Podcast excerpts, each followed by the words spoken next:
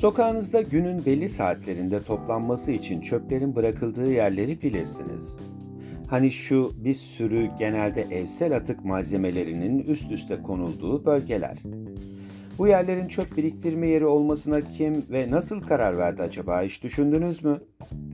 Örneğin hemen ikamet ettiğiniz konutun önündeki ağacın altı ya da karşı apartmanın otopark kapısının hemen yanı. Belki de buraya çöp atan eşektir yazmayan herhangi bir duvar kenarı. Yani soru şu, oraya ilk çöpü kim attı ve o çöpü atan gerçekten günahsız mıydı?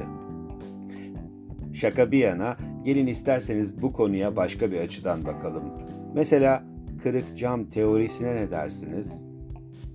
Kırık cam teorisi 1982 yılında iki sosyal bilimci olan James Wilson ve George Kelling tarafından oluşturulan bir dizi makale ile başlamış, sonrasında çeşitli bölgelerdeki asayişi ve düzeni sağlamak için uygulamalı olarak kullanılmış sosyal bir araştırmadır.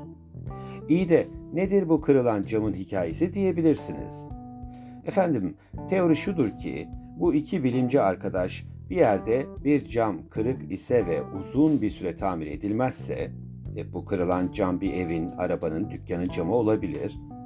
Oradan geçen insanlar da bölge itibariyle hiç kimsenin orayı umursamadığı, düzensizliğin kanıksanmış olduğu ve bu yerle ilgili ikamet edenlerin suça meyilli olduğu gibi düşüncelerin oluştuğunu gözlemlemiş.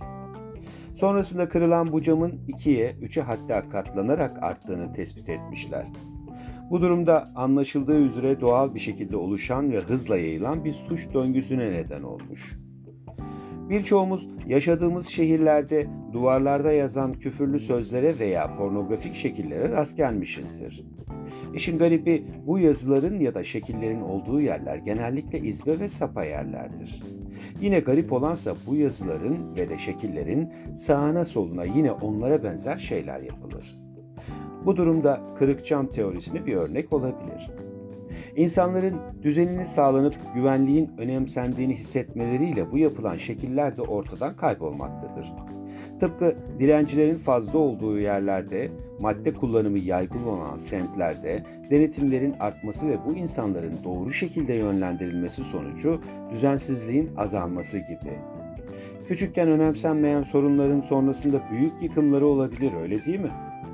Peki bu teoremin benim mahallemde gelişi güzel sağa sola bırakılan çöp poşetleriyle ne ilgisi olabilir? Efendim, ilgisi şu. Sokağımızın başında hemen 10 metre ileride iki tane çöp konteyneri var. Ama nedense biri ya da birileri belindeki incileri, elindeki boncukları düşürme korkusuna hemen bulduğu yere bırakıveriyor elindeki poşeti. E bunu gören öteki de üstüne Belki de onun üstüne oldu mu sana kırık cam teorisi? Müzik